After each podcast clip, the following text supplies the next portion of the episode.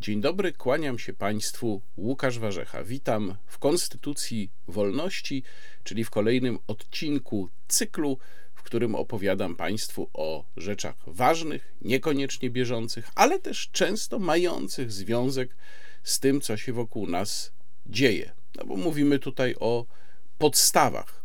Dziękuję, że Państwo tutaj są. Dziękuję za subskrypcję, polubienia. Jak zwykle bardzo nisko kłaniam się swoim mecenasom i przypominam, że na tym samym kanale również inne cykle, przede wszystkim mój wideoblog, a także podwójny kontekst nagrywany wspólnie z profesorem Antonim Dudkiem i rozmowa niekontrolowana. Dzisiejszy odcinek zacznę od jednej z najbardziej znanych rzymskich paremii dura lex sed lex, czyli ciężkie prawo, ale prawo. I ta sentencja, ta paremia jest bardzo często przytaczana w różnych internetowych dyskusjach na zasadzie takiego cepa, jako dowód na to, dowód czy argument na to, że niezależnie od tego, z jakim prawem mamy do czynienia, mówimy tu oczywiście najczęściej o naszej polskiej rzeczywistości, to musimy go przestrzegać, no bo jest to prawo. Ono może być właśnie ciężkie, może być nawet głupie, Często widać to na pierwszy rzut oka, ale jest to prawo, więc musimy go przestrzegać.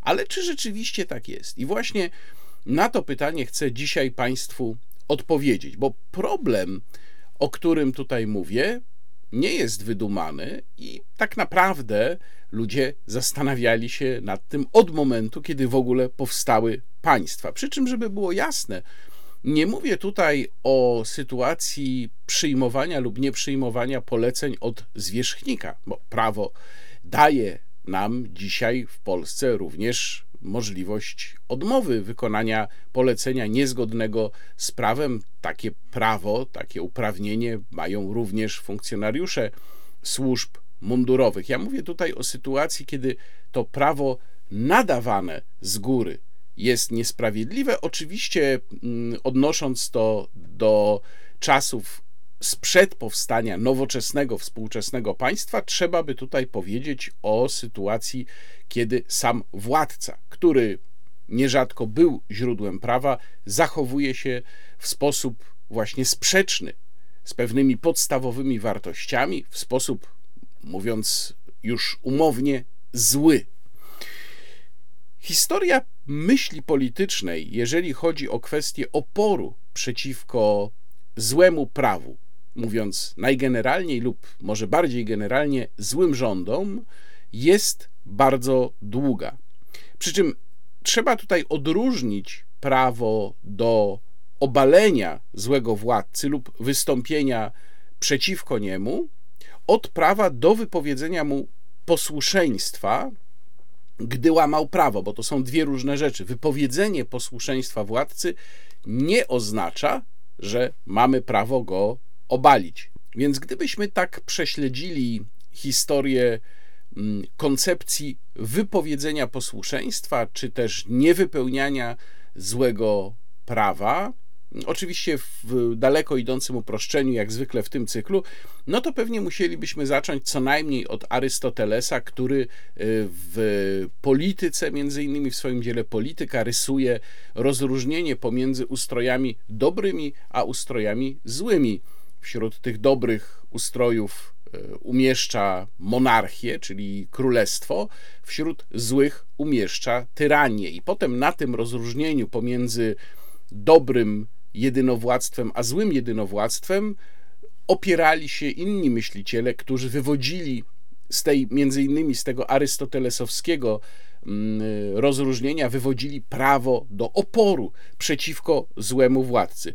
W średniowieczu działało coś, co nazywało się ius resistendi, czyli mm, prawo do stawiania oporu, i to prawo zostało w niektóre dokumenty wówczas powstające właściwie dosłownie wkomponowane. Tak było chociażby z nadaną przez Jana bez ziemi w 1215 roku Magna Carta, Wielką Kartą Wolności, która do dzisiaj zresztą jest jednym z tych dokumentów, które są podstawą ładu konstytucyjnego y, Wielkiej Brytanii. No wtedy oczywiście mówiliśmy o Anglii, nie o Wielkiej Brytanii.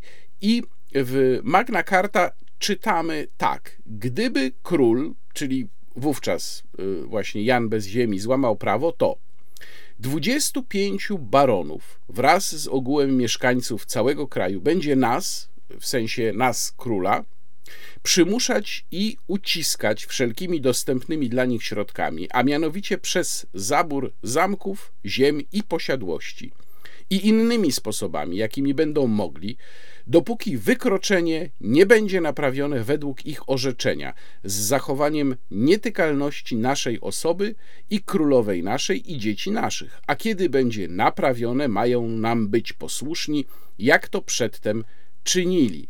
A więc mamy tutaj pewien warunek, Jan bez ziemi, nadając ten przywilej, zastrzegł sobie sam nietykalność w takiej sytuacji, ale jednocześnie poddanym przyznał prawo do tego, żeby przeciwko niemu wystąpić, gdyby on sam łamał mm, prawo.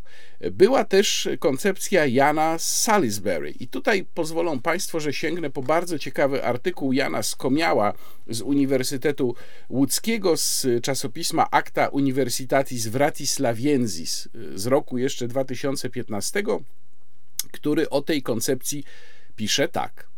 Radykalnym wariantem prawa oporu w wiekach średnich była teoria tyranobójstwa, która pojawiła się w XII wieku. Przedstawił ją Jan Salisbury w swoim traktacie Policraticus. Posługując się wczesnośredniowiecznym wyobrażeniem władzy oraz odwołując się do autorów antycznych treści starotestamentowych i poglądów papieża Grzegorza VII, dopuszczał sankcje przeciwko tyranowi. Postrzegał monarchę jako imago Dei, czyli obraz Boży, a tyrana jako imago diaboli, wroga swoich poddanych, dopuszczającego się najcięższych przewinień wobec Boga. Dokonanie mordu na tyranie przez osobę prywatną było zatem czynem miłym Stwórcy.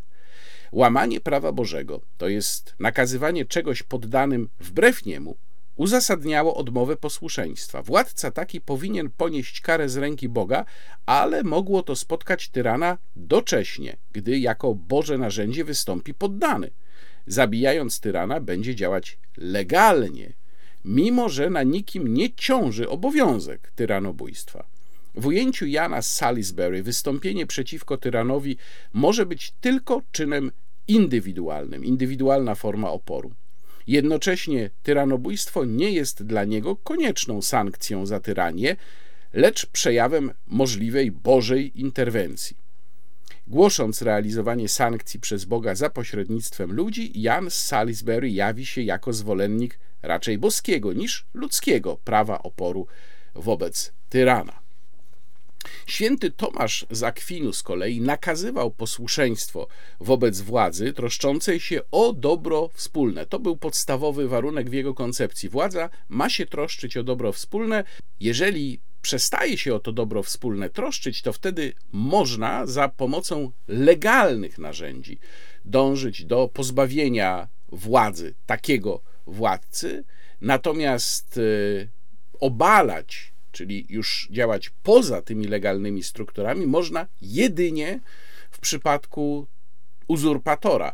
No i tutaj trzeba powiedzieć, że Tomasz Zakwinu raczej podchodził do mm, koncepcji wypowiedzenia posłuszeństwa w sposób bardzo konserwatywny, bardzo umiarkowany, zdając sobie również sprawę z tego, jakie zagrożenia społeczne niesie przyznanie poddanym takiego prawa. W Polsce jakąś formą tego typu gwarancji były najpierw, był najpierw przywilej Mielnicki z 1501 roku nadany przez Aleksandra Jagiellończyka, a potem oczywiście dużo bardziej znane artykuły henrykowskie czy henrycjańskie, jak to się czasem nazywa, mm, które zaprzysięgał Henryk Walezy kiedy w 1573 roku e, zaoferowano mu tron e, Rzeczypospolitej i trzeba powiedzieć, że był to władca no, wyjątkowo nieudany i w ogóle ten wybór był wyjątkowo nieudany.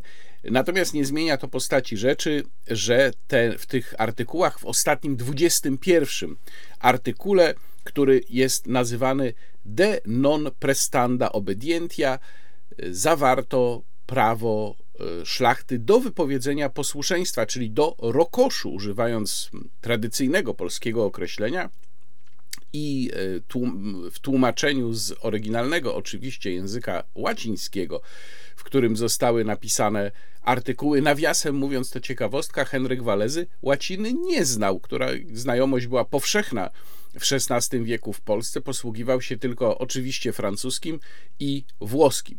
Był władcą znacznie gorzej wykształconym niż e, ogół polskiej szlachty.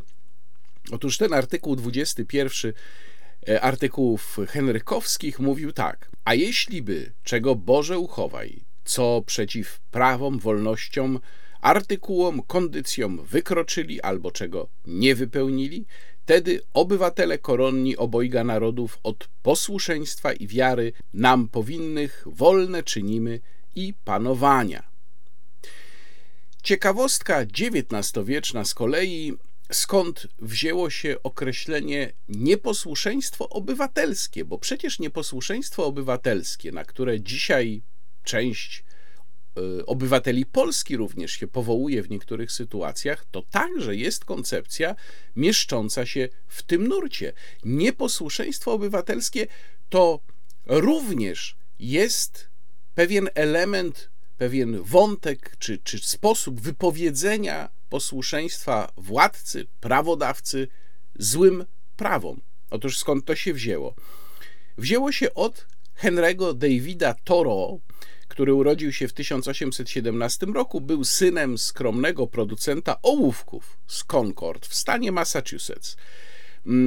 W roku 1845 ówrze Thoreau, który był abolicjonistą i jednocześnie zwolennikiem transcendentalizmu, Postanowił zamieszkać samotnie w chatce w lesie Walden.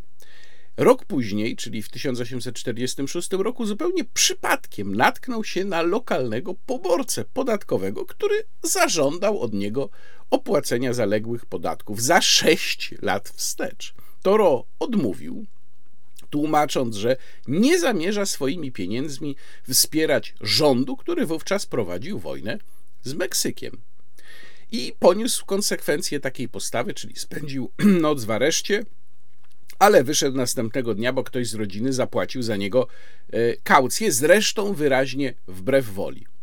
No i to doświadczenie właśnie skłoniło go do napisania rozprawy, którą zatytułował Resistance to Civil Government, czyli opór przeciwko rządowi, która bardziej stała się znana pod tytułem Civil Disobedience, czyli właśnie nieposłuszeństwo obywatelskie i stąd Toro uznawany jest za twórcę tego pojęcia. A też trzeba przyznać, że jakkolwiek byśmy ze współczesnego punktu widzenia mogli krytykować postawę Toro, to nie sposób odmówić jej pewnej logiki. No bo mamy również dzisiaj w Polsce taką sytuację, w której część obywateli jest zmuszona do wspierania pewnych przedsięwzięć, najczęściej powiedziałbym partyjnych, czyli tych, które już nie służą dobru wspólnemu, bardzo trudno je tak zakwalifikować, do wspierania swoimi pieniędzmi. Najbardziej oczywistym przykładem takiej sytuacji jest wspieranie z budżetu mediów rządowych, które sączą no, najbardziej ordynarną rządową propagandę, a wszyscy musimy się do nich dokładać. I tak oto w tej historii doszliśmy do y, czasów współczesnych, kiedy problem, ten sam problem, który od czasów Arystotelesa w gruncie rzeczy był rozpatrywany, pojawił się w nowej postaci. Bo czasy współczesne to już czasy demokratycznej legitymacji poszczególnych rządów. No i co teraz? Co w sytuacji, kiedy rząd otrzymuje taką demokratyczną legitymację, ale uchwala prawa, które obywatele uznają za niesprawiedliwe, uznają za sprzeczne z podstawowymi zasadami, z podstawowymi prawami człowieka, które uznają za niesprzyjające dobru wspólnemu. Co wtedy? Czy rząd ma do tego prawo? Otóż y, w Polsce bardzo często szafuje się takim stwierdzeniem, że demokratyczna legitymacja daje rządzącym prawo do uchwalenia każdego właściwie mm, rozwiązania i do domagania się, żeby to rozwiązanie czy te prawa wynikające z niego były przestrzegane przez wszystkich obywateli. Ale gdybyśmy rzeczywiście mieli taki obowiązek, to prowadziłoby to do bardzo groźnej sytuacji, bo przecież w pewnych okolicznościach można po pierwsze uchwalić prawa, które zaczną ograniczać sam demokratyczny wybór, a po drugie można uchwalić prawa, które właśnie będą ewidentnie, jak powiedziałem, sprzeczne z najbardziej podstawowymi z kolei prawami człowieka. Otóż stanowisko mówiące, że prawo jest słuszne i dobre tylko dlatego, że właśnie jest prawem, czyli tylko dlatego, że zostało uchwalone i przez samo to staje się od razu dobre, nazywamy pozytywizmem prawnym. Pozytywizm prawny zakłada, że prawo się niejako samo legitymizuje, że nie musi szukać tej legitymacji nigdzie poza własnym systemem, czyli na przykład w wartościach tak zwanych podstawowych, które tworzą naszą zachodnią cywilizację, opierają się na antyku, ale również opierają się na chrześcijaństwie, tylko samo z siebie staje się legalne wyłącznie dlatego, że zostało uchwalone. I bardzo często ta argumentacja z pozytywizmu prawnego jest słyszalna w takiej bardzo zwulgaryzowanej postaci, jest słyszalna w polskiej debacie. No, żeby daleko nie szukać, ona się też pojawiała nierzadko w czasie lockdownów, w czasie pandemii, kiedy zwolennicy restrykcyjnej polityki epidemicznej apelowali, żeby nie zastanawiać się, czy jakieś prawo jest dobre czy złe, bo przecież ono stało się prawem. Tylko radykalny pozytywizm prawny prowadzi do wniosku, że nawet jeżeli prawo ewidentnie jest sprzeczne z racjonalnością, ze zdrowym rozsądkiem, kontrproduktywne, no i oczywiście sprzeczne z tymi najbardziej podstawowymi wartościami, z najbardziej podstawowymi prawami człowieka, to i tak należy go przestrzegać, ponieważ jest prawem. Widzimy, że tutaj coś nie gra i że w sytuacji nawet demokratycznej legitymacji rządów mamy z tym problem, bo te demokratyczne rządy mogą zacząć uchwalać prawa właśnie sprzeczne z fundamentami. I dokładnie tak się stało chociażby w III Rzeszy, czyli w nazistowskich Niemczech. No i co tutaj z tym począć? Otóż z pomocą przychodzi nam tak zwana formuła Radbrucha. Gustav Radbruch, niemiecki filozof prawa, który był wiceministrem sprawiedliwości y, w rządach kanclerza Stressemana, przed II wojną światową w latach dwudziestych, po II wojnie światowej zajął się problemem winy narodu niemieckiego za to, co się stało. Zajął się w słynnym swoim wykładzie radiowym Fünf Minuten Recht Philosophie, czyli 5 minut filozofii prawa, wygłoszonym w 1945 roku, to było już z akceptacją okupujących wtedy część Niemiec e, Amerykanów, i ten e, wykład później został jeszcze rozszerzony w eseju, który Gustav Radbruch napisał, ale z niego właśnie wywodzi się pojęcie mm, formuły Radbrucha. I ja teraz chciałbym Państwu całość tego naprawdę krótkiego wykładu, bo on rzeczywiście był najwyżej pięciominutowy, przeczytać. Sięgnę tutaj po e, trzeci tom znakomitej antologii tekstów dotyczących praw człowieka, Księga jubileuszowa Rzecznika Praw Obywatelskich to jest absolutny biały kruk. Dzisiaj to jest wydawnictwo, które przygotował Urząd Rzecznika Praw Obywatelskich w 2008 e, roku, kiedy kierował nim świętej pamięci Janusz Kochanowski, który zresztą mnóstwo takich inicjatyw podejmował. Pod tym względem był absolutnie wyjątkowy. Zostawił po sobie między innymi właśnie czterotomową tę antologię, która jest niesamowicie ciekawym zbiorem tego typu tekstów źródłowych, a także artykułów, które analizują w ogóle kwestie praw człowieka i ładu prawnego. I tutaj sięgam po tekst Gustawa Radbrucha i przeczytam go Państwu w całości. Pierwsza minuta. Rozkaz jest rozkazem, mówi się żołnierzowi. Ustawa jest ustawą, twierdzi prawnik. Podczas jednak, gdy żołnierz ma obowiązek i prawo wypowiedzenia posłuszeństwa, jeśli wie, że rozkaz prowadzi do przestępstwa, to prawnik Od kiedy przed około 100 laty wymarli wśród prawników ostatni zwolennicy prawa natury, nie zna żadnych takich wyjątków od obowiązywania ustawy i posłuszeństwa osób podporządkowanych ustawie. Ustawa obowiązuje, ponieważ jest ustawą, a jest ustawą, ponieważ z reguły posiada moc samorealizacji. Takie ujęcie ustawy i jej obowiązywania, nazywamy je pozytywizmem, uczyniło zarówno prawników, jak i naród bezbronnymi wobec ustaw despotycznych, okrutnych i przestępczych. Utożsamia ono ostatecznie prawo z siłą. Tylko tam, gdzie jest siła, jest prawo. Druga minuta. Chciano to zdanie uzupełnić lub zastąpić innym. Prawem jest to, co służy narodowi. To oznacza despotyzm, samowola, łamanie ustaw są, o ile służą narodowi, prawem. A w praktyce oznacza to, co władza uważa za służące dobru powszechnemu, każdy wymysł i kaprys despoty kara bez ustawy i wyroku, bezprawne mordowanie chorych są prawem. To może też oznaczać korzyść własną panujących widzi się jako korzyść powszechną. I tak oto utożsamianie prawa z rzekomą lub domniemaną korzyścią narodu zmieniło państwo prawne w państwo bezprawia. Nie, nie może tak być. Wszystko, co służy narodowi, jest prawem. Raczej odwrotnie.